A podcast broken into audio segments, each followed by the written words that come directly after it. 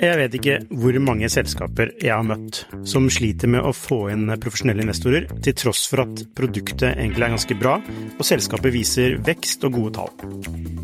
Hvis det er én ting de proffe investorene er på utkikk etter, i tillegg til at du bygger et bra selskap, selvfølgelig, er hvordan du håndterer dine aksjonærer, eller ditt såkalte captable, som det heter på startupsk. Et ødelagt captable setter rett og slett en stopper for selskapsutvikling. Unlisted.ai gjør det mulig for selskaper å håndtere aksje- og opsjonsprogrammer, aksjeeierboken, captable og det meste av rettigheter inn mot aksjene i selskapet på ett sted. Prøv unlisted.ai sin gratisversjon i dag.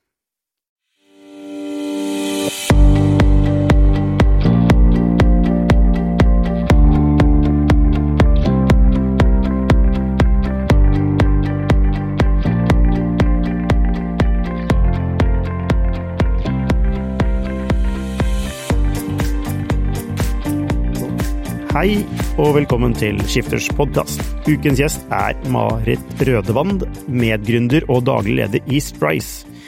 Der automatiserer de anti-hvitvaskprosesser, eh, og dette selskapet ble opprettet på NTNU i 2017. I dag har de kunder i hele Norden og er på vei inn i Storbritannia. Velkommen, Marit. Tusen takk. Uh, ja, Strice. Altså, hvis, hvis jeg går på LinkedIn, så er det umulig å unngå Strice. du har kanskje sett eh, Laundry-podkasten? Ja, for dere har jo en podkast mm -hmm. som uh, heter The Laundry. Det Et veldig kult navn, forresten. Altså, hvordan uh, fant dere på det? Det var en internkanal på Slack som het uh, Laundry, hvor vi delte da markedsbransjenyheter om innenfor antihvitvasksarbeid. Ja, for denne podkasten her er jo egentlig et, kall det, et, en måte å bli kjent for på, for, eller kjent på for nye kunder.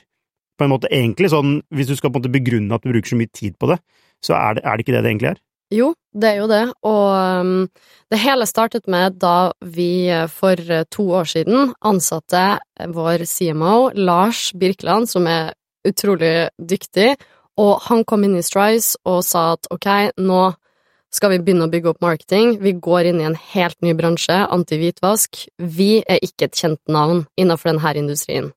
Da kan vi ikke starte med å gjøre de, de små tinga, vi må gjøre de tinga som virkelig flytter nåla, og vi skal inn i det her nye marketingparadigmet som kalles demand generation.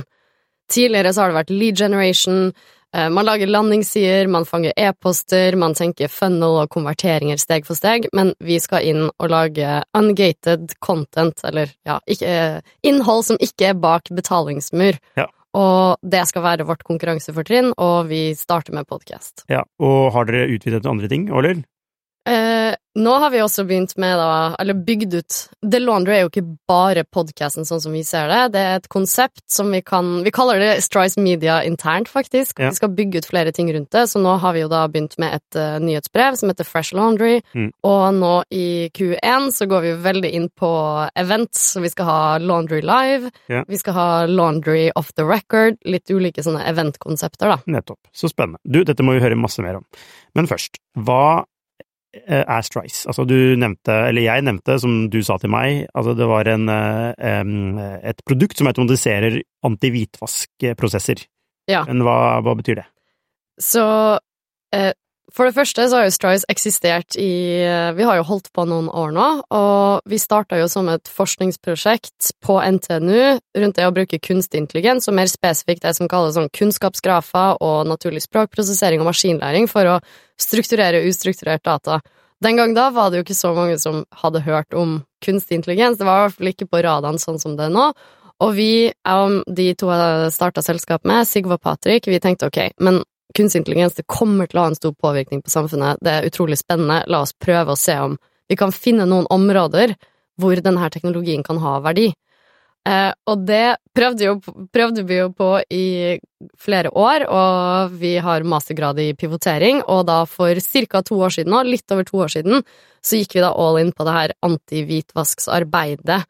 Og det er jo um, Bank og finans i dag er jo underlagt veldig strenge regulatoriske krav, fordi at vi som samfunn, vi vil jo ikke ha økonomisk kriminalitet i samfunnet vårt, for det fører til utrolig mye dårlige ting, for eksempel korrupsjon. Det er virkelig en av de store ødeleggende kreftene i samfunnet i dag. Hvitvasking, det at man unndrar skatt, det at penger kommer ikke inn i, inn i kall det eh, ja, det finansielle systemet, eh, betaler for illegale tjenester, videre for Altså, banker er underlagt masse krav de må gjøre. Og her er det veldig mye manuelt arbeid som handler om å samle informasjon, tolke data, sette det sammen, og der så vi at vi kunne ha en stor påvirkning, da. Det er interessant, da, for dere har teknologi, leter etter behov. Absolutt, så det er ikke den der den, den, måten man blir anbefalt å starte selskap på, hvor man, man, skal komme fra en industri, man skal se et problem, lage en løsning, så vi mm. starta i den motsatte enden. Så jeg vil ikke, absolutt, jeg vil ikke anbefale det til alle. Eh, nei, men altså, det, dette er jo teknologi som er utviklet på NTNU, ikke sant, og dere ble vel født i denne TTO-en? Eh, eller ble ikke født i TTO-en, men altså TTO-en Jo, ble, jo, vi ble det. Ja, mm, som skal egentlig kommersialisere teknologi. Eh, og da begynner man jo med teknologi, og på, på altså universiteter så er det jo mye grunnforskning. Man, man, man, forsker jo ikke for å lage et selskap, mm. man forsker for å finne ut av ting. Og så ser man noe interessant, at dette kan kommersialiseres. Og det er det man med Strice. Jeg husker en periode så, var så liksom, tror jeg lagde et verktøy for selgere, kan det stemme? Vi testa jo veldig mange ulike hypoteser innenfor det der med, kall det generell kundehåndtering, da. Ja. Hvor eh, det kunne brukes i salgsarbeid, markedsføringsarbeid, alle de her ulike Alle de her ulike typiske use casene. Men eh, da vi begynte å jobbe med noen av de kundene vi har i dag, så sa de ok, denne teknologien her, den tror jeg kunne vært utrolig verdifull for oss. I her kjenn din kunde-arbeid. Og i det øyeblikket der tenkte jeg hæ, kjenn din kunde, vet du ikke hvem kundene dine Det høres ut som et veldig løst problem, men så skjønner man mer hvor komplekst det faktisk er, da, for en um, stor bank og finans, og da, det var et problem som Ok, både hadde vi jo et konkurransefortrinn med at vi hadde en teknologi som var tilpassa, selv om det ikke er liksom et langsiktig konkurransefortrinn i seg selv nødvendigvis. Men det var et problem som motiverte oss som individ. Vi tenkte at ok, det her er interessant å jobbe med, og at det er hele tida i utvikling. Man snakker jo mye om det her katt og mus-leken mellom kriminelle og da bank og finans og samfunnet. Ja. Og, så det er veldig spennende å være i en bransje som utvikler seg hele tiden.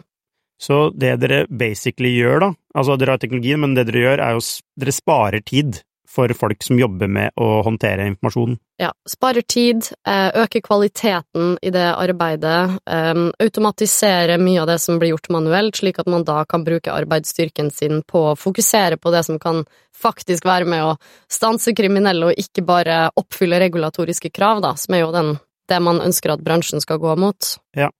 Eh, og hvem var deres første kunde?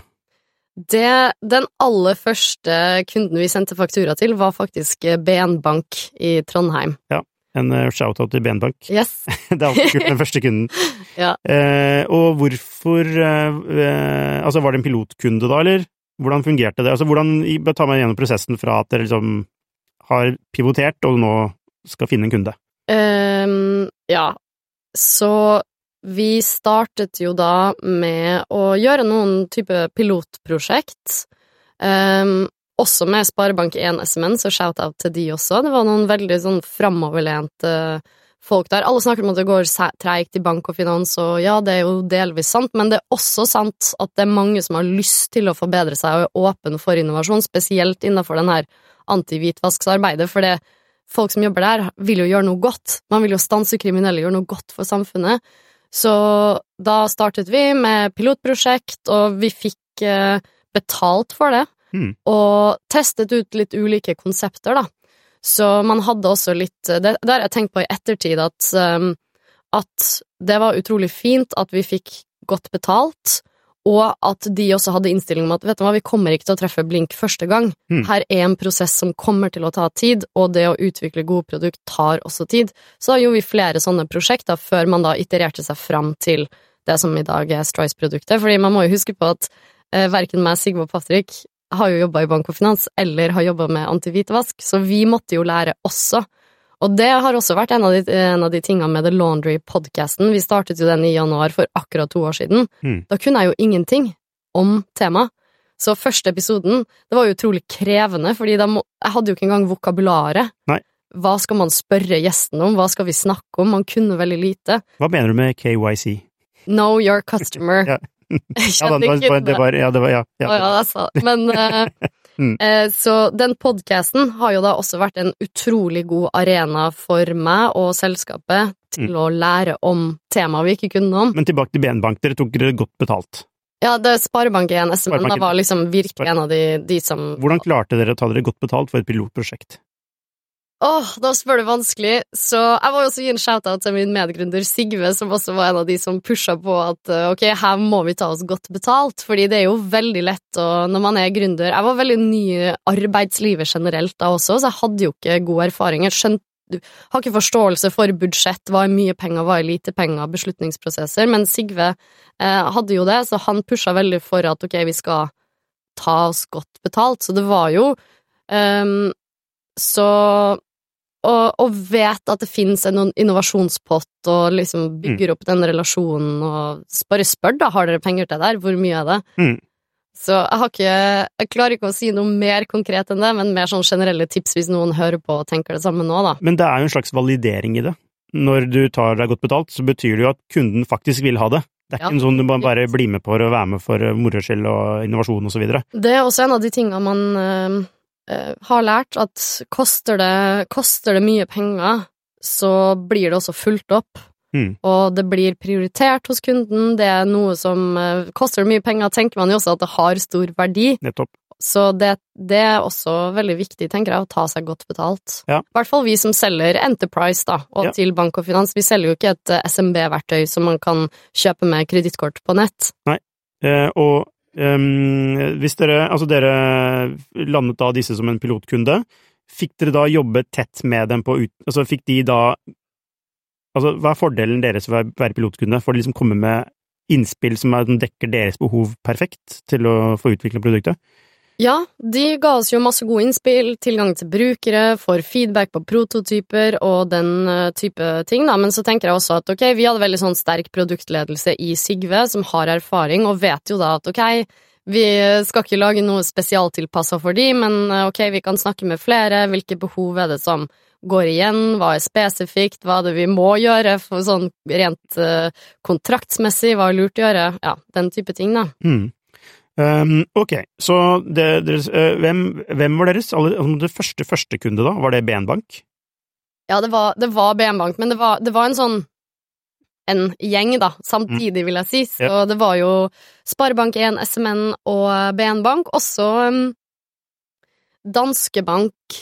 Eh, og alle de her er jo da i, var jo Trondheimsavdelingene, ja. og alle sitter jo i samme gate, så vi hadde ekstremt stor markedsandel i Søndre gate i Trondheim. Altså, Det lever vi fortsatt litt av. Uh, lever vi fortsatt av. Jo, men altså, det er ikke noe å le av, fordi altså, det får meg til å tenke på at fysisk nærhet betyr noe.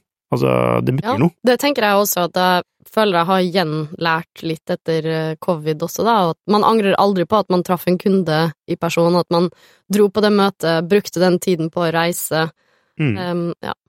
Ok, men uh, tilbake til 2017. Uh, det er et forskningsprosjekt uh, som eh, TTO mener bør, bør kunne, kunne kommersialiseres. Hvordan havner du da inn i dette, dette prosjektet?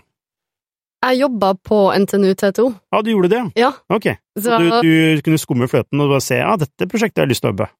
Skummefløten, ok, jeg har ikke tenkt på det sånn sett, men jeg hadde Jeg jobba der, og um, det var jo en jobb eh, som de kalte den gang da Entrepreneur in Residence, jeg vet ikke om de har den fortsatt, men hvor målet var at du skulle finne et forskningsprosjekt da, Ja. som du skulle ta ut som et selskap. Ja, nettopp. Så det var du som fant prosjektet? Uh, ja, eller fant og fant, det var vel spilt inn til T2, så det Ja. var en av de prosjektene. Og så hadde jo jeg da Det var jo ikke så mange IT-prosjekt for NTNU. Det, jo, det var veldig mange eh, Medtech-case fra St. Olav, det er jo mye eh, industri, den type ting. Og jeg interesserte meg mer for IT og syntes kunstig intelligens var spennende, og da ja, Mm. begynte jeg å jobbe med det her. Ja. Og ja, hva betyr det at du begynte å jobbe med dette her? Eh, ja, som du sa tidligere, så har jo TTO eh, ansvaret for å kommersialisere forskning, så da må man jo først skjønne hva det går, hva er det her prosjektet, jobbe med de som er forskere, finn, eh, søke er det noen midler til å videreutvikle det her, den type ting, og så eh, ja, jobbe for å ta det, spinne det ut, da. Ja, og hvordan kom beslutningen om at du skulle spinne det ut? Jeg vet hva, det, det husker jeg ikke Nei, engang. Men, Men, altså, men plutselig Men, eh, men for, for, det, det, for du jobber jo i RTO-en, og så plutselig så jobber du i Strice. Ja. det må- ha skjedd noe inni der. Eller husker du ingen? jo, jeg husker det. Du bare våknet en sånn, så var du sjef men det var en veldig sånn gradvis eh, prosess, da. Ja, Og så, ja, å finne liksom eh, Vi fikk jo eh, det å få tak i sånn initiell funding, da, for å videreutvikle det, så vi fikk jo Fikk jo et prosjekt fra Forskningsrådet for å forske videre på det her, og da mm, Og at få Er det flere som har lyst til å være med på det, finne teamet, den type ting, og så faller brikkene på plass, og så spinner man det ut, da. ja. Sigve Søråsen, han jobbet vel jo i Skipsted da? Ja. Eh, du sa det på veien her, at eh, sist gang du var etter bygget, så Var det et, eh, ja, et eh, øyeblikk som endra mitt liv, på en måte? Ja, og hva Hvordan solgte Hva Du ville ha han inn i Strice, var det sånn? Det ville jeg, så jeg hadde jo da eh, noen uker tidligere, før jeg gikk gjennom denne døra i, eh, i Skipsted-bygget, så hadde jeg vært på en alumnimiddag med NTNUs entreprenørskole, for jeg hadde gått der. Og på slutten av kvelden, det var veldig mange her, så man får ikke pratet med alle, men på slutten av kvelden går jeg bort til en venninne, og hun sitter ved siden, siden av en jeg ikke kjente, og jeg hilser på han, Sigve. Og vi begynner å snakke sammen, og han forteller at eh, han har jo startet et selskap tidligere, jobba i Skipsted, var veldig interessert i å være med å starte et nytt selskap, og jeg sier sånn Kult, skal ikke jeg og du starte et selskap? Jeg jobber med en eh, sånn AI-teknologi på NTNU, jeg vet ikke helt hva det skal bli til, men det finner vi sikkert ut av. Mm. Så det var sånn det starta, da. Og så, ja, Så var, fikk, fikk han med, helt utrolig nok. det var liksom ikke vanskelig å overbevise han. Han var klar for eh, Ja, det er det jeg tenker nå, da, at det var, han, var, han var klar. Ja. Og så fikk vi med Patrick Skjennum, som er CTO, og han var da en um, masterstudent på NTNU som jobba med denne teknologien da, i masteren sin. Og så en helt uh, Ja, ble det oss, da. Ja, altså det er en relativt ung, ung, ung gjeng, da. Altså Sigve er vel litt eldre. Ja, Sigve er den, den som hadde erfaring. stemmer det at han var han daglig leder i starten, Det stemmer. Ja, og så endret dere på det? Det gjorde vi. Hvorfor det? Eh, hvorfor det? Nei, det var Sigve mente at eh, det burde vi, Mm. og så gjorde vi det. Og jeg hadde jo også Han er jo um, leder for produktutvikling, og jeg, det kunne ikke jeg ha gjort. Nei. Så jeg, ikke, jeg har ikke noe sånn tilbøyelighet til produktutvikling nødvendigvis, men kanskje litt mer på den markedsføringen og drive podkast og den type ting, så da bytta vi. Men Mhm. Strice har jo vært gjennom mange ulike faser. For det første var vi jo en NTNU-spin-off og liksom den setupen der. I 2018 så kjøpte jo jeg og Sigvard Patrick tilbake aksjene og bestemte oss, ok, skal vi prøve, da? Det er jo da jeg tenker liksom at ok, vi Mm. Da, start, da starta vi, da, som en slags gründertrio. Ja.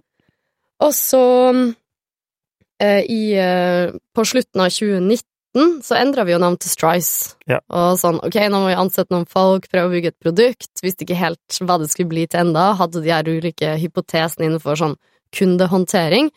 Og så da på helt på tampen av 2021 så var vi sånn, ok, det er antihvitvask som er vår greie. La oss gå all in på det. Og fra 2021 til i dag, altså hvordan er det i dag? Dere har, dere har kunder i Norden. Hvilke, ja. altså, har du noen eksempler på kunder dere har? Eh, ja, jeg har eh, for eksempel eh, Vips Mobile Pay, eh, Sparebank1, eh, alliansen, eller bankene som er i den alliansen, Sparebanken Vest, BM Bank, den type aktører, da. Ja, DNB da. Ikke enda, Ikke men hvis det er noen fra DNB som hører på, så Jeg tror mange der vet at vi har lyst til å ha de som kunde, da, men det, det er jo en veldig stor aktør, da. Ja, hvordan jobber dere for å få dem som kunde da? Eh, sånn som man jobber med alle, alle andre, men eh, du vet, bygge eh, awareness rundt også våre produkt gjennom initiativ som The Laundry. Man drar og drar i møter. Eh, I tillegg så er det jo også et element av å kunne ha en produktportefølje, da, som er, dekker også Ja. deres behov. Når man er en så stor aktør, så må man også kanskje ha det, den litt mer enn ett produkt, da. Ja, ikke sant.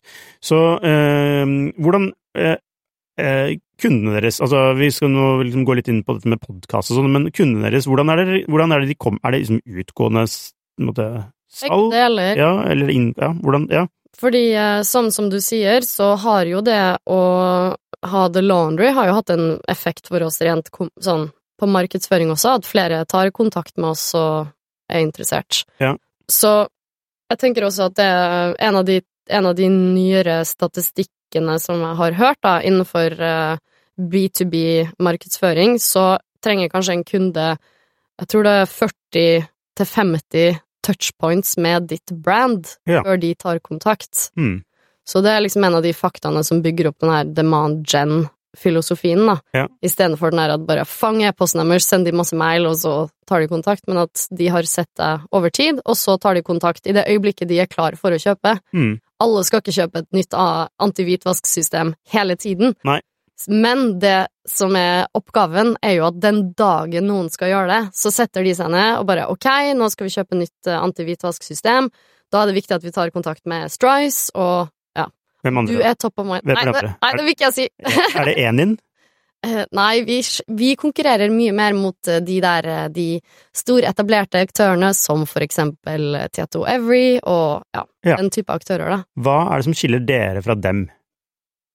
Det Nå, Nå- det, det blir veldig objektivt. Ja, så jeg må jo også prøve å ta det her på et litt sånn høyt abstraksjonsnivå, da. Ikke, ikke grave meg ned i ant alle antihvitvaskdetaljene, for det tror ikke alle er interessert i å høre på. Men noe sånn overordna, så er det jo det at en slags time to value Vi har et system hvor du får verdi fort og raskt, krever mye mindre integrasjon, veldig mye tilpasning. Vi er jo også en SAS-aktør som er faktisk litt annerledes enn dersom du går inn med en software du må tilpasse til hver enkelt kunde. Mm. Så vi er en av de første som leverer relativt sånn her kompleks automasjon i en SAS-pakke, da. Um, ja, Det er lettere å komme i gang. lettere å komme i gang. Og hva Så er det jo også sånn noe med den der grunnleggende teknologien vi har, så du kan, ikke sant, en arbeidsprosess du gjør i Strice, er enda, eller enda enklere å gjøre i Strice enn noe annet, da. Så det er sånn flere ulike ting. Ja, nettopp. Um, uh, I 2021 så starter dere podkasten. 2022. Januar 2022. Januar 2022. Akkurat to år siden. Uh, du nevnte dere fikk en ny CMO som mente at dette var måten å gå frem på. Yes. Eh, og hva Ja, det, det, ja. jeg- glemmer aldri det øyeblikket han i det første møtet Eller vi har jo en sånt uh, Vi har faktisk et all hands-møte hver torsdag i Strice Ja. Det begynte jo da vi var små, og så har det bare Mm. fortsatt, da. Det var liksom torsdag fra ti til kvart på elleve, og i det første torsdagen så drar han fram en presentasjon Mm. med marketingstrategien, han gjorde noen helt utrolig kloke grep. Vi har jo tre kjerneverdier i Strice. Ja. You are Strice, make decisions, smart but uncomfortable. If something seems smart but uncomfortable, you should do it. Uh, advantage Strice. Uh, unexpected things will happen, make them our advantage. Mm. Og han da la frem en markedsføringsstrategi hvor sånn Jeg er Strice og tar denne avgjørelsen. Vi skal bruke demand gen. Det er Det kommer til å ta lengre tid før vi ser resultatene. Uh, det er smart but uncomfortable, men i det lange løpet er det her en fordel, Strice. Så, Mm. Og da fikk han alle med på det fra dagen. Og det ofte jeg drar opp igjen den presentasjonen hvis noen andre lurer på hvordan vi har gjort det, da. Ja, og ok, så da er det fra LeadGen, som handler om å fange en, eh, lage noen white paper, og så fange en- fange en e-poster og send ja. Til Eh, det her å lage innhold som eh, som tiltrekker deg bruk, Ja. altså interessant Som er altså, verdifullt, som man lærer noe av. Som, ja. Mm. Så da starta vi det i januar for akkurat to år siden. Ja, januar for Ok, og hva var første episode da? Da var det litt mer sånn roundtable, var det ikke det? Litt sånn diskusjon? Ja, så da var det jo eh, var det jo meg og en, min kollega Fredrik Riser, og så hadde vi jo da en eh, Magnus Johansen som hadde jobba med antihvitvask i McKinsey. Ja. Så han var jo liksom vår gjest, Mm. co-host, da. Så da snakka vi om eh, Jeg husker faktisk ikke hva første episode het nå lenger, men det var jo sånn generelt om antihvitvasksarbeid, da. Mm. Så ja, Ja. veldig gøy. Så det har jo utvikla seg en, et stykke derfra. Ja, og jeg ser at det har blitt litt, sånn- litt sånn proffere og proffere, Ja. altså med klipping, og nå er det skikkelig sånn Det ser ut som ikke vil du bli millionær, men, men sånn det, det, det ser ut som Jeg har ikke hørt den sammenligninga før, men det er veldig sånn uh, ja, det er litt sånn neon og mørkt, Ja, er det ja. den du tenker på? Ja, Mm. mm, og veldig sånn flashy, og det bare ser kult ut. Okay, Før du begynner å høre hva det handler om, så er det ja, det er ja. Det, altså, det, altså mm, eh, Hva skal man si? Formatet er jo veldig sånn ungt, kan man si, da. I en bransje som tradisjonelt sett har vært veldig konservativ. Ja. Så det er jo en sånn Du kommer kjapt til poenget, du har liksom eh, Du trekker ut spennende quotes, eh, altså, og dere bruker video mye på LinkedIn. Eh, altså, hvordan hvordan Ok, jeg har mange spørsmål. Ja. Vi driver med podkast selv. Det er interessant. Eh, altså, én ting er sånn det, det er jo ikke gratis å gjøre det der. Nei. Eh, altså, hvor mye, hvor mye tid bruker du på dette? Hmm, det er et godt spørsmål. Da vi starta, så vi, vi prøver jo å lage en episode i uka, og det har vi jo lært at du må gjøre, fordi det, consist, eller det å gjøre Consistency ikke is king. Ja. Ja. Um, Eller queen. Ja. Det, det har så mye å si. Og, du, og jeg husker da vi starter, Lars sa ok, uansett hvordan det går de første episodene, så gjør vi det her nå fram til sommeren før vi i det hele tatt tar en vurdering. Mm. Liksom, det må alle være med på før vi starter. Så den første tiden brukte vi jo en god del tid på det å forberede spørsmål, fordi vi kunne jo ingenting om det. Så der tok det en del tid. Det var ganske lett å finne gjester i begynnelsen. Folk hadde jo veldig lyst til å være med på podkast. Um, vi ansatte jo da Det skal jo sies med tanke på ressurser, da, så ansatte vi jo en på fulltid til å hjelpe oss med klipping og video og den type ting. Mm. Vi tenkte at ok, vi kan så lite om det, så vi, vi kan ikke bare bruke en frilanser, fordi vi vet jo ikke engang hva vi skal bestille. Nei. Så derfor er det best å bare ha noen som er med på prosessen fra dag én, da. Eh, og der gjorde vi jo kanskje noen eh, Der ansatte vi jo noen som var veldig ung, eh, i begynnelsen av 20-åra. Var sånn hadde vært YouTuber, var god på TikTok, liksom den type generasjonen, da, som også helt eh, Som også hjalp oss til å kanskje finne det der uttrykket, da. Og så skal det også sies at Lars med CMO også er veldig sånn Ok, vi må lage innhold som fenger. Mm. Det, vi kan ikke ha en lang intro, det må komme til poenget med en gang, så jeg føler at vi hadde det, det som tanke da, fra dagen. Ja, men det er jo ikke Altså, det du be- beskriver det, er liksom i hvert fall to årsverk tid brukt på dette her. I begynnelsen Altså, i hvert så Ja, kanskje- en kanskje person som jobber heltid med det. Det første året, i Ja. 2022, den Ja. ene personen som jobba heltid med sånn video og Eller det tekniske, da, Mm. og klipping etterpå, og um, Vi snakka jo om det før vi kom inn her, at det tar ganske mye tid å klippe podkast. Det er nesten lettere å bare spille den inn på nytt, og i begynnelsen så måtte vi jo klippe litt fordi vi måtte ta ting på nytt og, og sånn. Mm. Så, og kombinert da meg og Fredrik og Lars, så var det nok sikkert to årsverk det første året, ja. Ja. Alt. Når merket dere de første effektene av det? Det som var interessant med The Laundry, var at vi merka det fra første episode. Ja, hvordan da? Um, så vi hadde jo Nå husker jeg ikke helt tallene i hodet, men vi hadde jo da Ok, vi satte oss ned og bare Hva er vi fornøyd med med første episode? Og jeg Mm. tror vi hadde sånn Ok, hvis 40 stykker hører på, så er vi utrolig fornøyde. Sånn, vi hadde jo en podkast på norsk, og det er jo begrensa hvor mange i Norge jobber med antihvitvaskarbeid og skal høre om denne podkasten fra Ja. dagen. Men jeg tror den første episoden fikk vi type du vet, tre ganger så mange eller noe, og det Vi merka så fort at det var så mye positivitet, og folk syntes det var kult, og det var lett å booke gjester, så det var en slags umiddelbar, eh, kall det product market fit, da, på Ja. podkasten. Ja. Så vi merka det veldig raskt. Men ja, Og hva, hvor, altså, hvor mange er det hører som Nå er det, nå er det på engelsk, ja, vi har bytta over til engelsk. eh, så hvor mange er det som hører på dette her nå? Nå har vi ca. 4000 lyttere i måneden. Ja. Sånn unike lyttere. Og, så, og hvis du tenker at dette her er sånn potensielle kunder, Ja, så er jo helt sinnssykt høyt tall, da. Ja, det, så vi er veldig fornøyde med det, for det er jo en utrolig nisjepodkast. Ja. Så, men det jeg tenker sånn i ettertid, jeg har fått mange spørsmål av andre, vi vil også starte podkast, og jeg tenker sånn, ok, det, det funka for oss, men det er ikke sikkert det funker for alle andre.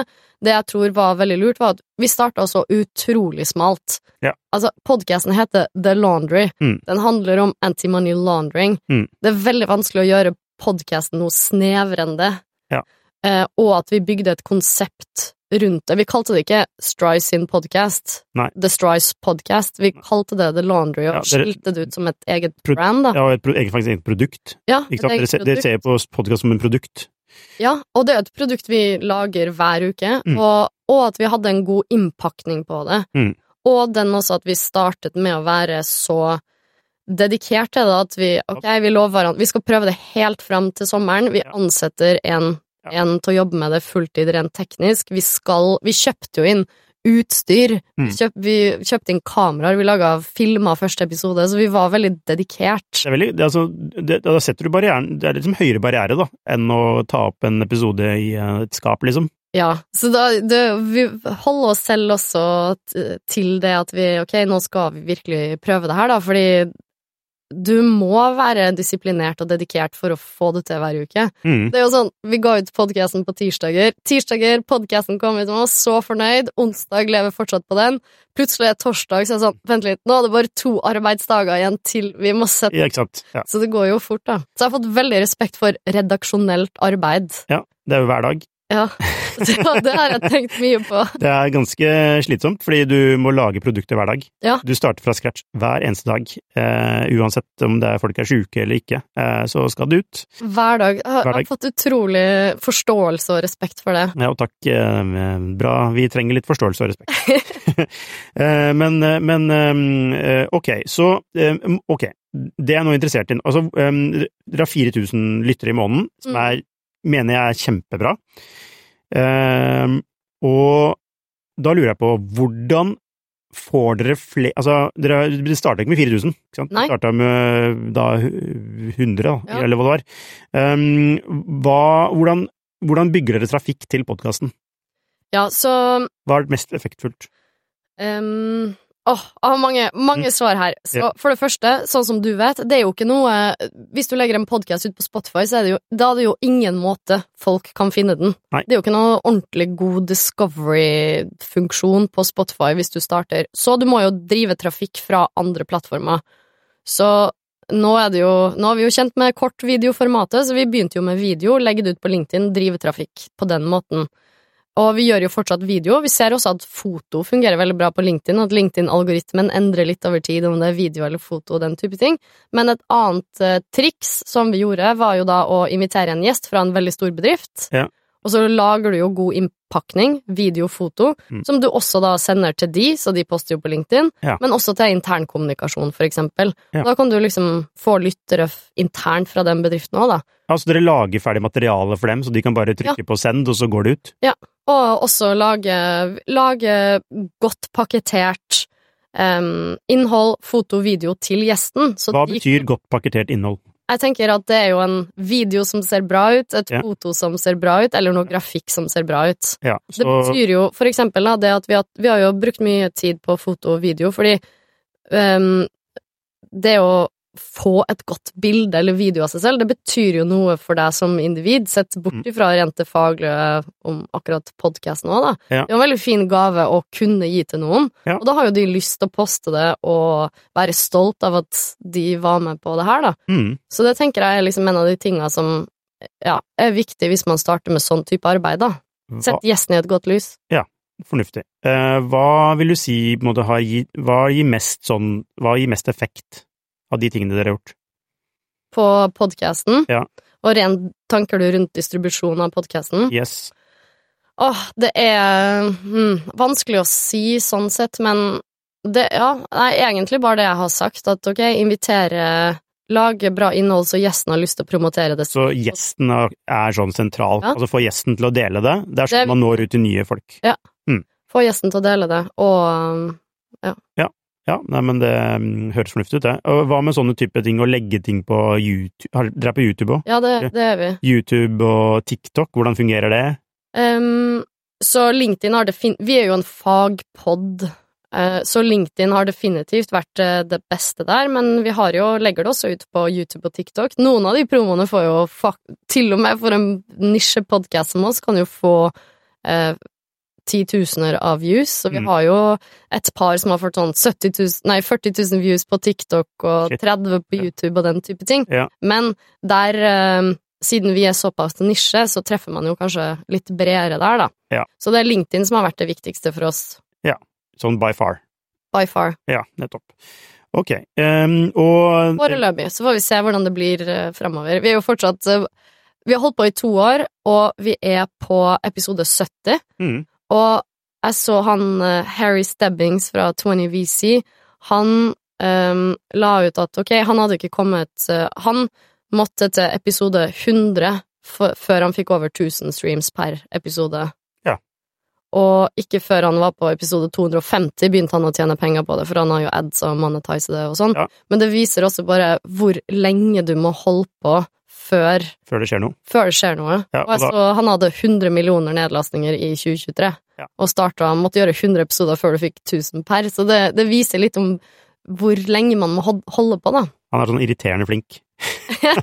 Men nå har han jo lagd over 2000 episoder. Ja, han er dritflink. Så, det er jo, så hvis man scroller tilbake til det første, så er det ikke sikkert det var like bra. Så man må holde på en stund, da. Ja, han Hvis jeg ikke husker feil, så var vel han involvert i Atomic, Atomico. Eh, altså, han jobbet vel i Atomico, Ja, det kan godt være det. eh, og det skal vi snakke litt mer om. Ja. eh, Atomico. Eh, men eh, ja, eh, det er altså Ok, effekt på distribusjon er en ting. Eh, hvilken effekt har det på businessen? Det har hatt helt Det har vært helt kritisk for oss. Da vi starta, som sagt, oppgaven vår i januar 2022, da vi skulle begynne å selge antivissvaskløsning, Ja. så var ikke det én person i den bransjen, hvis de satte seg ned i januar 2022 Mm. og tenkte vi skal ha nytt AML-system, vi må kontakte Strice. Mm. Det var det ingen som gjorde. Nei. Men den podcasten, den bidro til det. Og hvis noen da i det hele tatt gjør koblingen mellom ok, Strice, anti-hvitvask, Mm. da kontakter de deg, ikke sant? Så den viktigste oppgaven når du starter, er ikke å markedsføre en spesifikk eh, ny eh, produktfeature. Det er å virkelig få kjøpegruppa til å tenke, ha deg på top of mind i det øyeblikket de er kjøpsklare.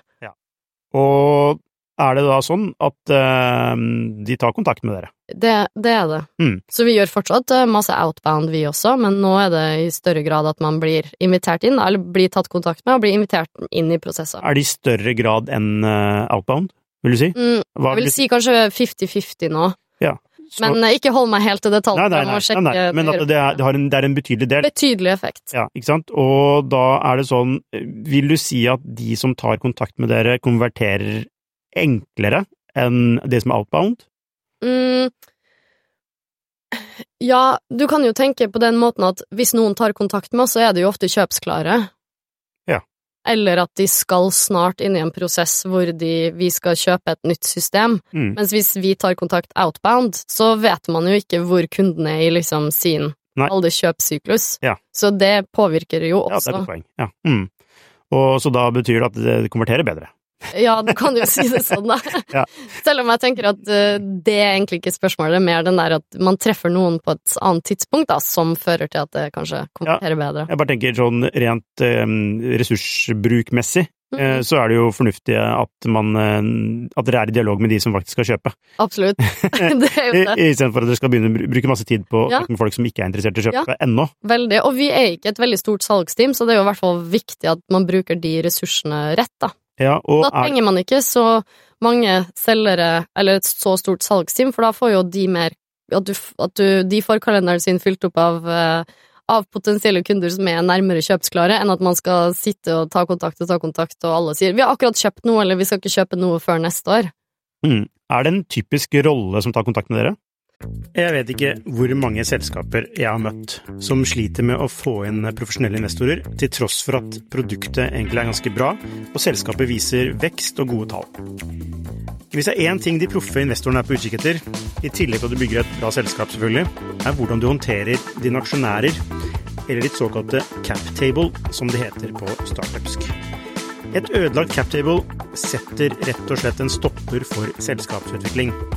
Unlisted.ai gjør det mulig for selskaper å håndtere aksje- og opsjonsprogrammer, aksjeeierboken, captable og det meste av rettigheter inn mot aksjene i selskapet på ett sted. Prøv unlisted.ai sin gratulasjon i dag. Typisk leder Det kommer litt an på størrelse og hvordan kunden er strukturert, men leder for uh, antihvitvasksarbeid eller eh, leder for onboarding av nye kunder, det er ofte et sted vi starter, da.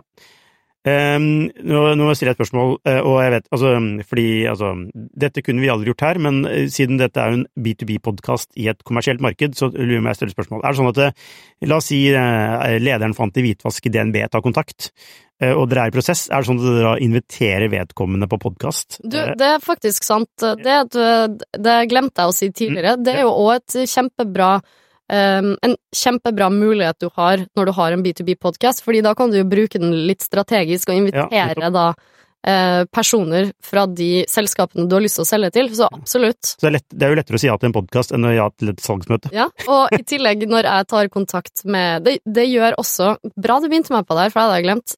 Det gjør jo også at jeg som daglig leder i Strice har eh, mulighet til å ta kontakt høyere opp i organisasjonen, få flere Mm. svar, og for da, da kan jeg komme inn og være Hei, jeg heter Marit, jeg er Jeg har denne podkasten, The Laundry. Den er veldig populær blant eh, dine bransjepairs. Har du lyst til å være med, eller ha en prat om det?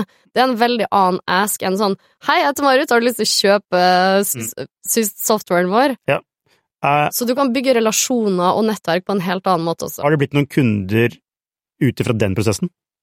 Mm, åh, du spør vanskelig sånn top of mind uten at jeg har forberedt uh, Det du uansett bygger, er Ja. tillit. Ja, du bygger tillit. Og det er jo, altså i hvert fall når du selger sånn enterprise, altså store ting som koster veldig mye penger, så er det jo sånn at du må jo, altså du må, du må bygge tillit. Absolutt. De må- Vi er også i en bransje hvor tillit er ekstra viktig. Ja. Konsekvensene hvis du som antihvitvaskansvarlig gjør det feil, er jo at eh, ok, selskapet kan få en stor bot, noen må kanskje i fengsel mm. syvende og sist, så det er en tillitsbransje i tillegg til generell tillit når du selger Enterprise. Apropos det, dere er jo en liten, eller liten startup, dere er en startup, Ja. slags, eller hvordan definerer dere? Som scale-up, eller hva det ja, ja, er scaleup som ja, Dere er i hvert fall et mindre selskap enn Tieto Evry, da. Ja. Ehm, og eh, det, måtte, det, man kan, det man kan si mot dere sånn sett, da, er jo at ja, men det er litt mer usikkert. Tieto Evry, ok, de er trauste, men de er, de er, de er, de er, store og solide. Ja, ingen ble sparka for å kjøpe IBM. Nei, nettopp, ikke sant? Um, så um, Møter dere den? Altså i en altså, altså er det For det er en konservativ bransje. Mm, litt, kanskje. Mindre nå enn før, selvsagt. Og ja, konservativ bransje, men de som jobber i den, som jeg sa tidligere, er også veldig framoverlente, fordi man vil gjøre noe godt, Ja. og man har lyst til å innovere. Men igjen, tilbake til The Laundry. Eh, det har selvfølgelig hjulpet på det.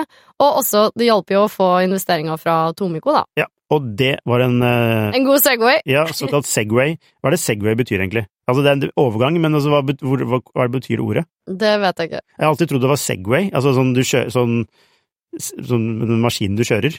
Men det er ikke det. Nei, jeg tror ikke det. Eh, jeg tror det er Segway. Det skrives S-E-G-U-E, Aha. altså som en fortsettelse.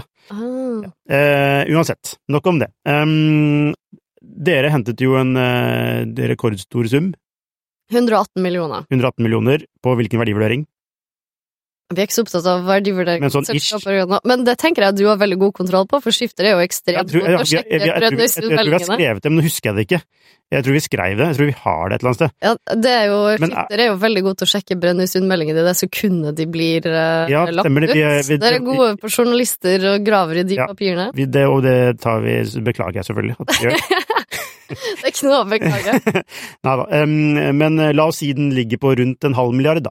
Ja, vi kan si det. Ja. Eh, er ikke det litt kult, da? Liksom, at eh, et selskap man har vært med å lage, har den verdivurderingen? Hva forplikter det på noen måte?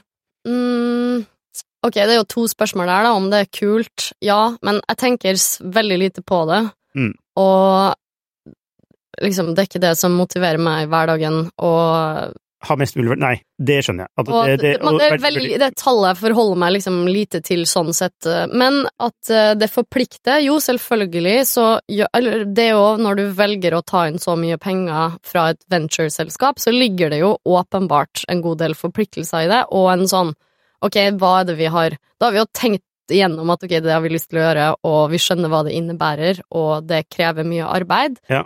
Så det har vi jo selvfølgelig tenkt gjennom før man går ut og henter de pengene, da. Ok, det er nysgjerrig på. Det tenker jeg er viktig for gründere også, Ja, ja. å, å tenke gjennom sånn Jeg har jo snakka med en del gründere, og jeg hadde ikke noe bevisst forhold til det da jeg starta en startup. Da ble man jo fortalt at du må ut og hente penger hos ventureinvestorer, men nå som jeg har blitt litt mer erfaren, så har jeg jo mye mer bevisst forhold til sånn, ok, har du et venture case? Hva innebærer det faktisk? Mm. Er det den finansieringsstrategien du velger, eller tenker man at sånn, vet du hva, vi skal hente penger fra en annen type investorer, det er ikke noe fond, det er ikke noe den her type avkastningskrav, vi skal bygge den businessen, så det tenker jeg generelt sett at ja, hvis som gründer, da, når man starter, bør man tenke gjennom. mye tidligere enn Mye tidligere. Ja. Sånn at man ikke plutselig har henta venturepenger, og så er man på det sporet og ikke helt har skjønt hva som har skjedd, da. Ja, jeg føler veldig mange kommer med det rådet om å tenke gjennom ting mye tidligere.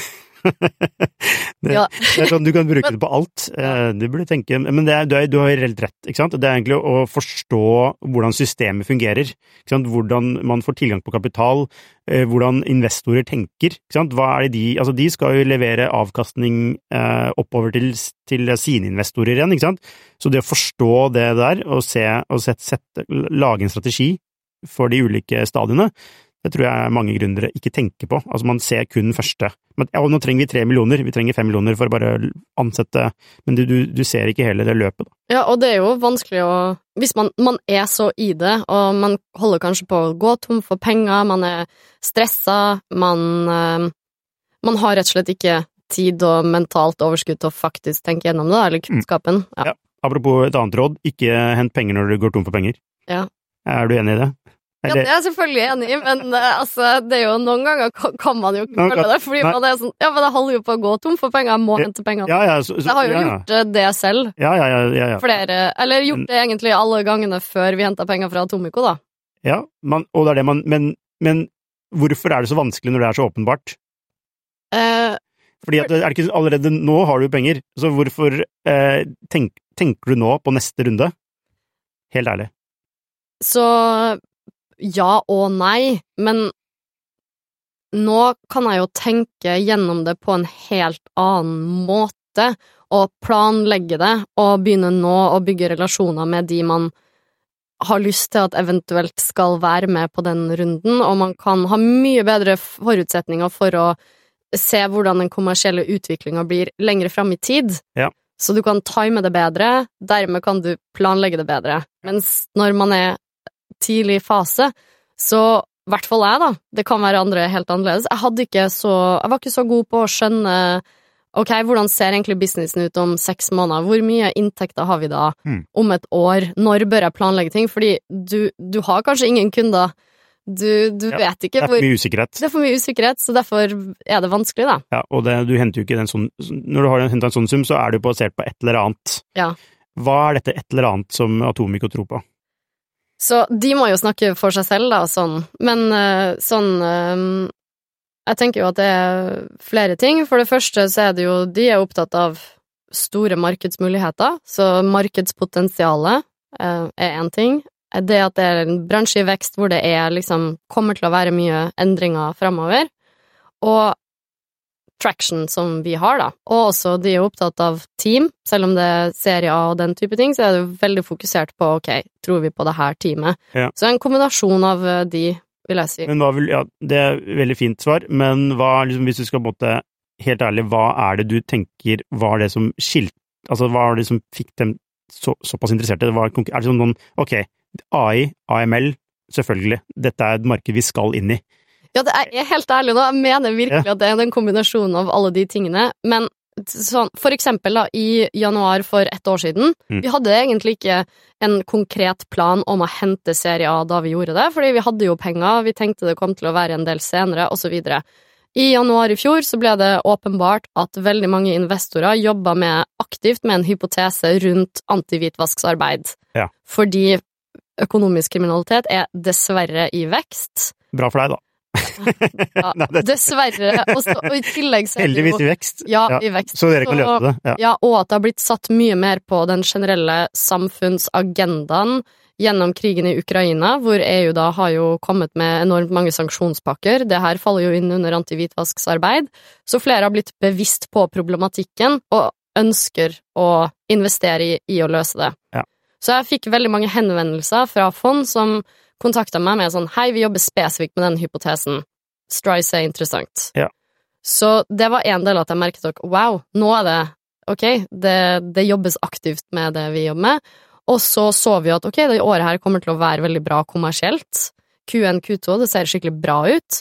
Og så tenker jo jeg selvfølgelig, nå er jeg jo bias, men at ok, innafor antivisvaskarbeidet, litt traust, kjedelig bransje, så er jo vi det kuleste brandet.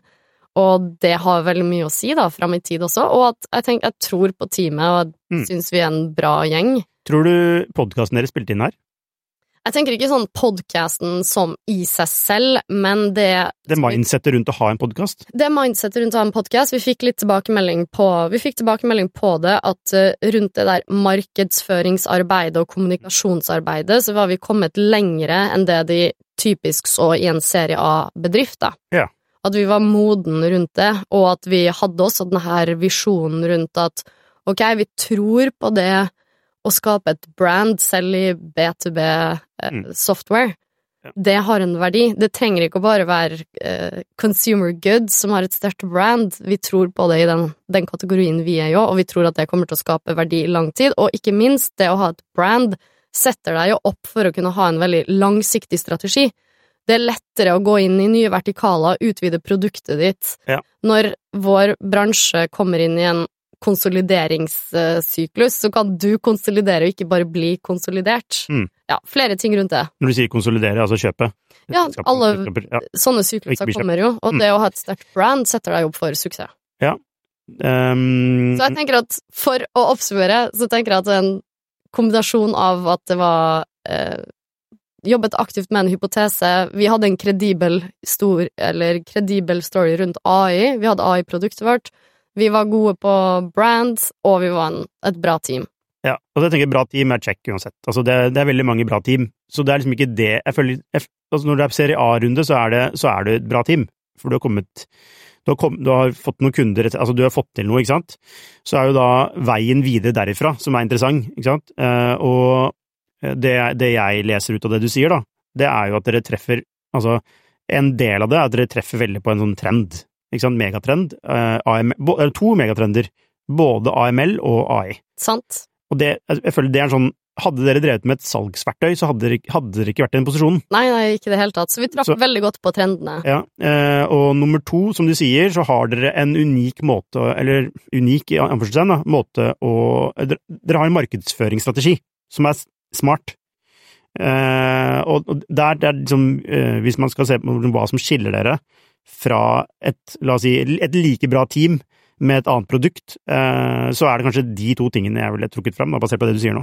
Ja, det tenker jeg. Og så um, Ja, og så ikke sant, Man lager jo også en finansiell modell og et business case og den type ting. Det blir jo veldig viktig på serier, så man går gjennom med investoren og den type ting, og da er det jo at vi hadde mange datapunkter og troverdighet for å kunne klare den planen, da. Ja. Og igjen knytta til at man er god på markedsføring, og man kan Ja. Hvordan lander dere på summen eller, og verdivurdering? Altså, er det en forhandlingssak? Kom, eller kom de med en sånn megasum som dere bare ja, vi kjører på? Eller hvordan, øh, hvordan var det der? Alt er jo en forhandling, men i venture også så er det jo Det, set, det er jo litt sånne rammer som er satt også, ved at du eh, Gitt av den summen du henter, Mm. uh, og så skal jo de ha et eller annet eierskapsprosent. De har jo gjerne ofte et uh, i fondet et eller annet target. De skal eie minst så mye, så rammen er jo også litt satt for forhandlingen, da. Mm. Og så tenker jeg jo at Tomiko um, nå, De er utrolig proffe. Det er jo sånn tier one i Europa, og det merker du også når du får uh, termsheets. Det er én side. Én Ja. av fire sider, hele dokumentet, inkludert signeringslinjene. Ikke sånne skjulte feller. helt enkelt. Er det founder-friendly, vil du si det? Ekstremt founder-friendly. Og, og derfor er det jo det er, Men det er jo smart hvis du er venture-investor òg. Det er jo lite å forhandle på når du får det dokumentet. Mm. Så er det jo sånn, ok, det er jo en god taktikk, det også. Eh, Ja, men generelt sett, bare sånn, ja, veldig founder-friendly. De vet liksom hva som betyr noe. De jakter jo også venture-utfall, og dermed så er det, ja, på serier, ok, kanskje man ikke skal grave seg ned i alle mulige, ja, ulike klausuler og den type ting, da. så du, de, de venter venture-utfall, Nei, ikke sant, de, de ser jo ja, de, ja, de ser jo ikke etter en sånn ok, nå skal vi vokse 30% i året, og derfor er det viktig å ha alle de her mekanismene på Mm. Nei, Og hva er deres Altså, dere har vel en sånn Dere representerer vel en sånn såkalt uh, total addressable market i en eh, pitch, eller i en presentasjon. Altså, hva er, Vi- hva vil, hva vil ans altså, hva er det, hvilke tall er det man oper- opererer med? Så bare apropos det med pitchen, da. Eh, jeg har tidligere Jeg er veldig dårlig på å lage slides. Mm. Syns det har alltid vært krevende. Og utrolig beundrer de som er så flinke til å presentere ting visuelt. Så hver gang vi skal hente penger, så har jeg vært sånn åh, må jeg lage den der pitchen og slide-dekken? Det er så krevende. og, men det vi gjorde den gangen her, det var at jeg tenkte sånn Ok, vi er i en bransje hvor det er mange andre aktører. Det er litt vanskelig å se hvem som gjør hva. Litt noisy. Hvor Ok, Atomico de har en aktiv hypotese, de andre jeg prater med, de snakker med alle. Jeg kan forvente at de har prata med alle konkurrentene våre Mm. denne uka her. Ja. Så hvorfor skal jeg bruke min, mine 30 minutter til å forklare de om problemet og markedet? Det har noen andre fortalt de, så jeg skal bare bruke mine 30 minutter på å fortelle de hvorfor Strice skal vinne. Mm. Så jeg lagde en slidex med som het Why We Will Win, og gikk gjennom de tre punktene hvorfor jeg tenkte at vi skal vinne, da. Hvilke tre punkter var det? Så den eh, første var go to market-strategien vår. Det at vi har et første produkt Mm. som kan tas i bruk uten noen tekniske integrasjoner med internsystem, som er jo en stor blokker i bank, da. Mm. At et lite team kan starte med det produktet, få veldig gode gevinster, og vi kan dokumentere det. Ja. Det var liksom mitt eh, første En smart go to market, da Mm. innen bank og, bank og finans. Eh, og så hadde vi jo da AI-teknologi, det at vi har jobba med det lenge, vi har det i bunnen. Vi har en eh, plattform som kan støtte at vi bygger ut produktet til utover det her ene. Mm. Og den tredje var jo det med brand og markedsføring, da. Så det var de tingene. Ja, det var de tingene! ja. Så da gikk jeg gjennom de, og bare sånn, ok. Eh, så, og i tillegg så lagde vi et sånt eh, datarom i Notion. For da kan man jo skrive, Mm. og igjen gjenbruke ting man har internt, for vi bruker Notion. Så da gjorde hele det arbeidet med å lage materiellet da, veldig mye enklere, og du kan fokusere på det å du vet den prosessen å komme på at ok, jeg skal lage slidedekken i det her formatet istedenfor sånn standardpakke. Ja. Eh, og det tenker jeg også Ok, hvis man googler så Det blir et levende dokument. Ja, levende dokument. Og for eksempel i Notion så hadde vi sånn Q&A-seksjon. Ja. I- Så alle mulige spørsmål som vi fikk i prosessen, bare samlet opp, og så kunne man bygge ut den Q&A-en sånn som etter hvert, da. Men en av de tingene jeg tenkte på, at ok, når man googler 'How to make a series day deck', så får man flere treff, og det er jo fra kredible institusjoner som er sånn 'Her bør du lage en serie A-dekk', men de inneholder absolutt alt. Mm. Alle ting. Mm. Og en av de tingene som jeg tenker at ok, det å Hvis du fokuserer på alt, så fokuserer du jo på ingenting nødvendigvis, så hvorfor ikke bare Ok, jeg har ikke alle svara, vi er serier, vi har ikke alle svara. Nå fokuserer jeg på det som er hvorfor oss. Ja, ja. Så istedenfor å følge de der tradisjonelle rådene rundt Slidex, bare ja, gjorde noe annet, da, og det funka for oss. Så fuck tradisjonelle råd. Jeg er litt for det, da. Jeg syns Ja. det er kult, fordi at eh, hvis du bare, bare begrepet best practice Altså hvis du bare liksom gjør det alle andre gjør, så blir du maksimalt like god som alle andre. Mm, Altså du blir ikke noe annet eller bedre. Altså alle som gjør det bedre, eh, mye bedre enn alle andre, har alltid gjort noe annet enn ja, det det alle andre gjør. Eh, så, så det er, det er Det ligger noe der, men det, det krever jo mot, da. For det er liksom sånn herre Du sa at ingen ble, ingen ble sparka for å Hvem var det? McKinsey eller IBM, eller hva? Ja, ingen, um, ingen blir sparka for å kjøpe IBM. Nei, men det er mange, det er mange som blir sparka for å gjøre noe nytt. så så, så det, det ligger noe der, da. Og det, det krever mot. Ja. Eh, men gevinsten av mot er jo stor, Mm. Men, ja. Så Men ja, jeg tenkte bare, ok, hvis jeg treffer andre starter på, Mm. så har jeg jo lyst til å forstå, å, hvorfor er det dere som skal vinne Ja. i denne bransjen? Ja. Ofte så har man, så, så det, da tenkte jeg, ok, men det er jo det investorer vil høre også. Ja. Og i tillegg så må man spille de gode da, for de skal jo, du må jo tenke at, ok, de du prater med her, de skal nå på mandagen, eller kanskje rett etterpå nå ved kaffemaskina, snakke med sine kollegaer og fortelle om det, og det du har lyst til å sette de i stand til, er å artikulere klart og tydelig Hei, jeg traff akkurat det her selskapet, jeg tror de kommer til å være vinneren i Mm. det markedet her fordi de har bra brand, de er lett å komme inn i eksisterende systemer, og hva var det siste? De, de, er, de, de treffer på to megatrender. at uh, vi har jobba med AI og har en god story rundt det, da, og har teknologi der. Så Mm. ja, det Mm. funka for oss. Det er ikke sikkert, uh, igjen, da, det er ikke noe alle Det er ikke sikkert det funker for alle. Kanskje andre er i en bransje hvor de er virkelig first mover, eller at man Det er andre dynamikker, så da er jo ikke sikkert den der hvorfor oss-metodologien funker. Altså, skal det jeg, gå, noe jeg skal si mot meg selv, da. Jeg tror, det, jeg tror faktisk at det funker. Jeg tror det funker for alle å være tydelig på budskapet sitt. Ja, det gjør det generelt. Ja.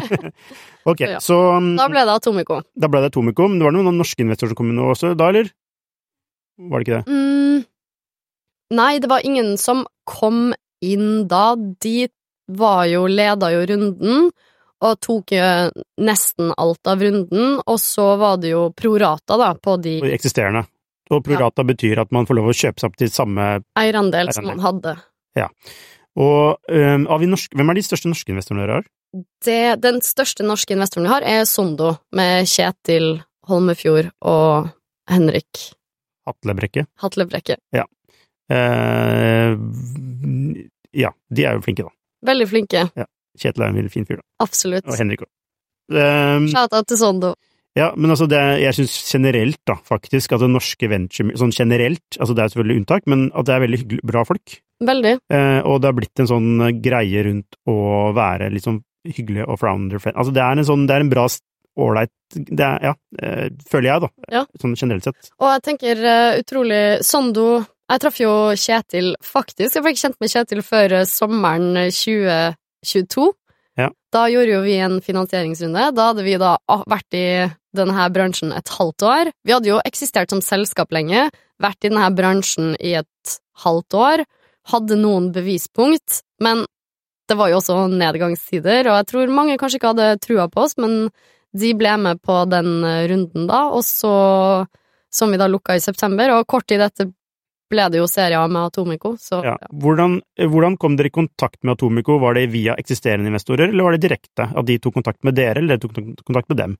Så jeg har jo kjent, det blir jo kanskje feil ord, da, men jeg har jo møtt eh, de jevnlig over de siste årene, fordi typisk på Slush eller et eller annet annet event, så har jeg hatt et par touchpoints med de over lang tid, da. Ja.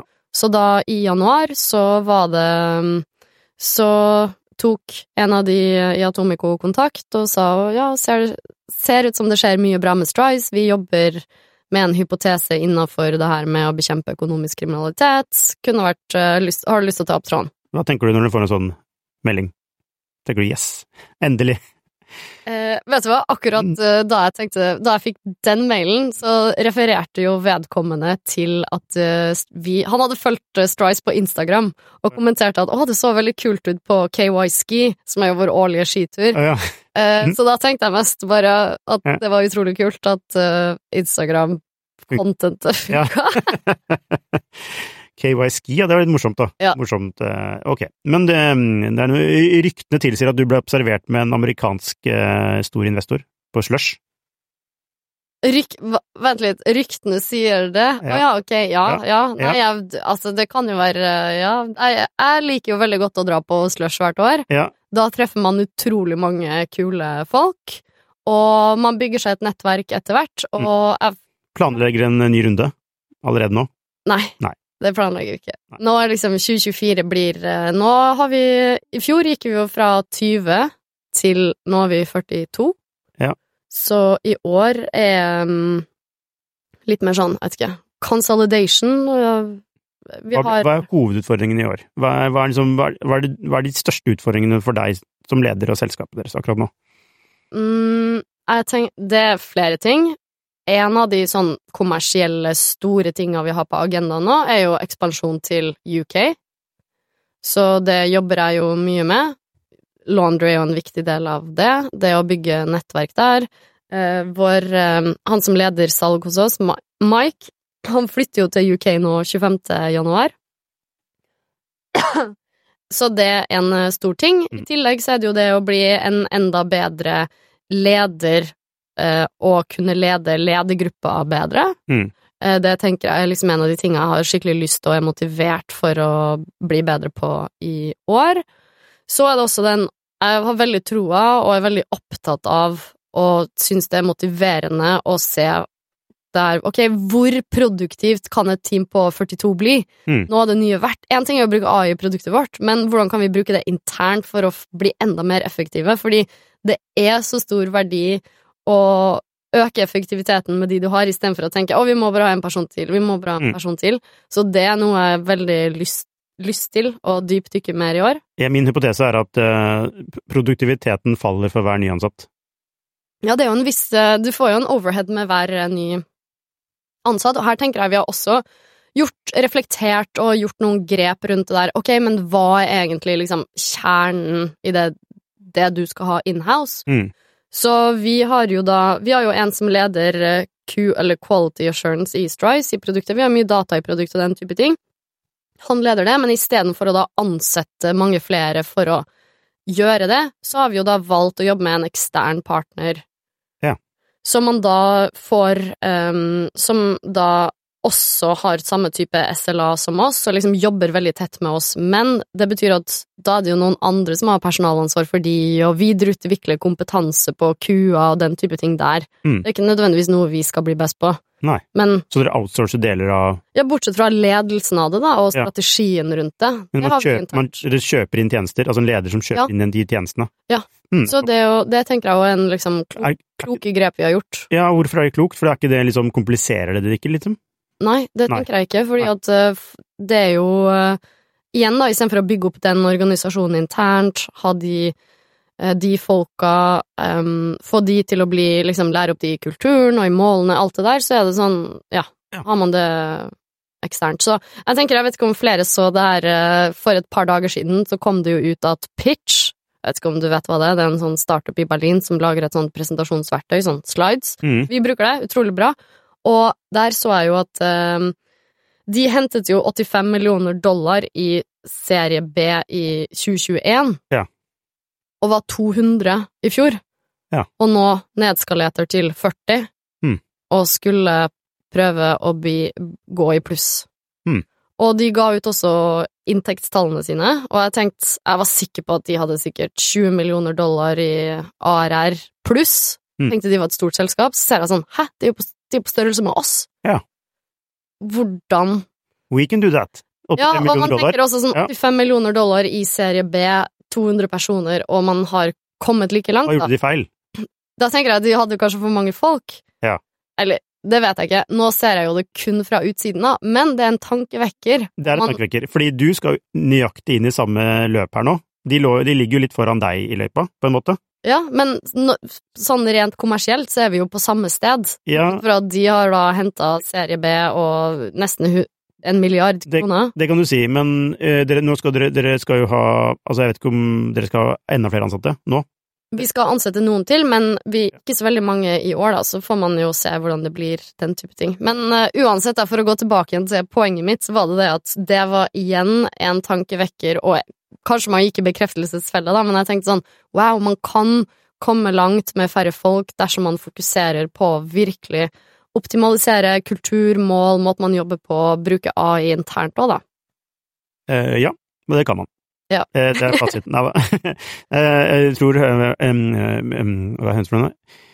Uh, Erin Meyer, som skrev en bok om Netflix. Har du lest den Netflix-boka? Den uh, No Rule Rules, Ja, jeg syns den er veldig bra. Um, har du lest den, forresten? Har hørt den på lydbok. På lydbok, ja. Det er som lest den.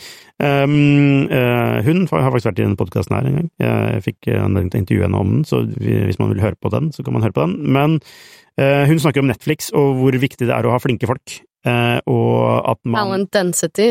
Talent density, ja. Mm. Og at man Altså, hvis man ikke er en sånn A-player, da, hvis man ikke er sånn altså ti, ti ut av ti person, så det så gir man en sluttpakke. Eh, og man blir, man, hver leder blir stilt et spørsmål. Uh, ville du kjempet for din medarbeider eh, eller ikke? Eh, og eh, tanken bak det er at en person som er veldig, veldig flink, er femgangeren til tigangeren mye bedre enn en person som er middels. Eh, Derfor kan også høy lønn, da. Men det, det, det, ligger noe der, da. Det ligger noe der i å Hvis du rekrutterer riktig, så har du mange færre folk å lede. Folk leder seg selv. Eh, Og det er mindre kostnader. Du trenger ikke ha så mange ansatte. Og du kan likevel levere, levere et godt produkt. Så det bringer meg over til den siste biten. Rekruttering. Ja. Hvorfor er dere, er, liksom, er dere gode på rekruttering? Hvordan gjør dere det? Jeg tenker at uh, nå har vi blitt gode på rekruttering, og vi har ikke alltid vært det. Hvilke feil gjorde dere i starten? Absolutt alle feil. Men den største feilen vi gjorde, som uh, Den største feilen vi gjorde, det var å ikke ha en rekrutteringsprosess. Men i fjor januar, så for et år siden Ok, vi kom inn i januar, ingen rekrutteringsprosess. eh, vi hadde gjort en del feil ansettelser året før. Eh, vi tenkte da Det tok så utrolig mye tid. Vi var jo veldig få folk, Mm. og vi trengte flere utviklere, vi trengte flere alt, men vi måtte jo også gjøre veldig mye. Og du, man blir helt eh, All tid kan gå med til det. derfor så fikk vi jo da en rekrutterer med på teamet, fulltid, som satte opp prosessen fra A til Å. Og gjorde sourcing av kandidater også. Ja. Så det begynte vi med i januar i fjor, og det tenker jeg sånn Det er lett å, sku, det er lett å si 'å, det skulle vi gjort før'. Mm. Eh, ja. Men jeg tenker at sånn Ja, det var i hvert fall i grevens tid, Ja. og det bare endret også alt. Hvordan ser den prosessen ut? Så, ikke sant, det er jo sourcing av kandidater. Nå, det, det kan man også si, altså når man får inn en stor venture-runde venture Ja. fra en toppinvestor, så endrer det også spesielt rekrutteringsgamet. Hvorfor det? Fordi du får flere inbound, Ja. eh, og flere Og de du kontakter outbound, du har en sånn Det er et kvalitetsstempel. Vi går ikke tom for penger med, nå, eh, Mm. det er nedgangstider. Uansett, da. Men det er jo sourcing, du må jo få kandidater inn i pipelinen, enten ved at du kontakter dem eller at de søker selv. Ja. Så er det jo Kim som jobber da med rekruttering og people-oppgaver, som har første prat med de. Så er det jo videre en prosess, en prat med den som er hiring manager, om den som leder for teknologi eller markedsføring eller salg eller ja. Ja. Eh, og så gjør vi også case Mm. derfra, og så har vi også den siste som er sånn personlighetstest, men ikke for å teste noen om Det er ikke IQ-test. Nei, og det er ikke en sånn for å skal du jobbe her eller ikke, men det er for å ha et samt, ha et grunnlag for en samtale Ja. med da den som blir lederen til vedkommende om hvordan blir det å jobbe sammen. Ja, men det er vel et element av at du kanskje ikke passer inn også, hvis du eh, den personligheten er veldig Jeg tror ikke nødvendigvis en test eh, gir deg svaret på det, men en sånn test i kombinasjon med en samtale, så kan man utforske sammen om er vi en god match. Ja. Og så er det jeg som har aller siste møte. Du har aller siste møte med alle? Mm. Ja. Og hvordan funker din magefølelse, vil du si? Eh, Så for det første så er det jo Hvis man kommer hele veien gjennom prosessen og treffer meg, så er vi jo veldig sikre, Ja. og da har man jo gjennomgått en, en eh, god prosess, og det har bare vært én gang i fjor at hvor jeg tenkte sånn Nei, vet du hva, Mm. er Nå bruker jeg min, mitt vetokort som CEO, ellers så har jeg vært helt enig. Ja. Eh, Du nevnte case. Hvor viktig er case? Um, jeg tenker at um, Tja, det kommer jo litt an på liksom Det er jo veldig forskjellig å ha en ja. tech-case og den type ting, men jeg tenker det har noe for seg å sånn problemløse Problemløse sammen, da, og nå Ja, jeg tror, tror det har noe er viktig. Så det er jo det med prosess også, du skal ikke un- undergrave Eller under... Hva heter det? Vurdere det, eh, og det er jo at det er en prosess. Altså det blir mer profesjonelt utad. Eh, Du, den kandidaten som da til slutt vinner, føler jo en veldig sånn eh, stolthet knytta til å bli ansatt også. Ja. Og den også at, også at når noen har Når vi har etablert den prosessen, så er det også sånn Vi svarer de raskt. Ja. Man må respektere at noen bruker tiden sin her òg. Vi skal gi de raske tilbakemeldinger. Vi skal ikke bare la de Ja, den type ting òg. Altså, det forbedrer på alle nivå. I tillegg så har man jo også da Hvis man plutselig blir litt usikker eller noe, så kan man falle tilbake på prosessen og ja. Ja. Så jeg tror det har Det begynte vi med i januar i fjor. Altså da hadde vi null prosess, bare for oss, bare for å En liten anekdote om hvor, hvordan man kan forbedre seg på et år, da, som kan være motiverende hvis noen tenker nå åh, vi har ikke prosess, vi heller. Mm. Men januar i fjor, null prosess. Eh, Kim begynte fulltid. Masse prosess. Nei. Men i eh, desember, og det her er jeg veldig stolt av, Mm. så begynte det en hos oss som heter Lukas, som var ingeniør i Google Cloud, Ja. som da flytta til Oslo for Strice. Oi. Så da tenker jeg at ok, vi gikk fra null prosess på begynnelsen av året, til at på slutten av året så var vi i den posisjonen at vi kan tiltrekke oss Men fra oss USA, liksom? Eller eh, Nei, fra UK. fra UK? Ja. Som klarte vi da å tiltrekke oss den type talent. Mm. Og det tenker jeg sånn det, Hvordan klarte dere det? Altså, hvordan fant dere han? Så du, du, spør, du spør og du spør, Lukas, det er bra det, altså. Men eh, nei, det er jo det å etablere den prosessen, begynne med sourcing, eh, være god på å skrive jobbannonser, la, legge ut bra employer branding-innhold, KYSKI-ting på Instagram. Jo, men altså, bruker altså, For å tiltrekke noen i i UK, så må du være synlig i UK, da. Du bruker jo, vi legger jo ut alle jobbene på LinkedIn, På LinkedIn. så det var via LinkedIn da vi, vi fant han. Ja. Ja. Men eh, så det tenker jeg Jeg tenker at det er, det, er lett, det er vanskelig å se liksom dag til dag alle de forbedringstingene, da, men det kan jo være motiverende kanskje for noen å tenke at ok, hvis vi vi trenger folk, det er vanskelig å tiltrekke seg det, det er januar nå, men i desember så kan man, kan man klare det, hvis man jobber konsistent med noe. Mm. Eh, gratulerer med ansettelsen av Lukas. Høres ut som en fornuftig fyr.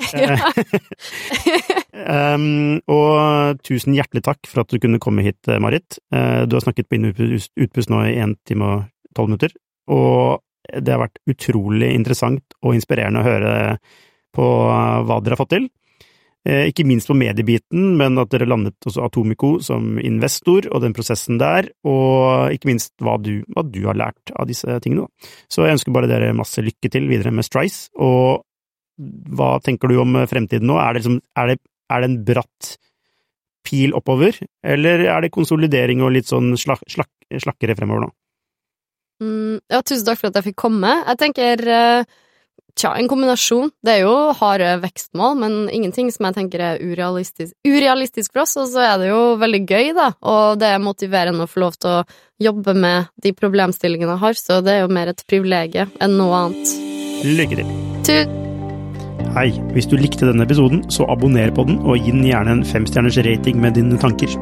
Hvis du er interessert i temaene vi tar opp på denne podkasten, så anbefaler jeg deg å gå inn på skifter.no, og hvis du mener vi fortjener det, så kan du gjerne støtte oss ved å abonnere på Skifter. Takk for at du hørte på, så ses vi neste uke.